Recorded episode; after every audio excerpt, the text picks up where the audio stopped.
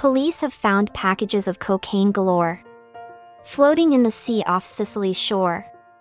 Worth over 400 M, what an obscene amount. The largest drug haul ever, no doubt. Italian police are left in awe as they pluck the drugs from the ocean floor. A sea of white powder, worth a king's ransom. A criminal enterprise that's colossal and handsome. It's one of the largest finds they've seen. Stolen goods, contraband, or drugs unclean.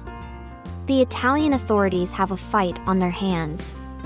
As they search for those behind these heinous plans, the traffickers thought they were clever, hiding their goods in the depths forever. But the sea churns away and exposes their plot, leaving them reckless and caught. Officers worked tirelessly, day and night. With helicopters, boats, and eye catching bright lights. They caught the criminals and drug smugglers red handed. While Italy rejoiced, a victory quite demanded.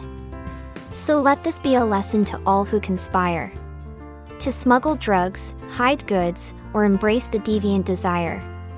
No matter how hard you try to hide and be sly, the long arm of the law will always come and pry.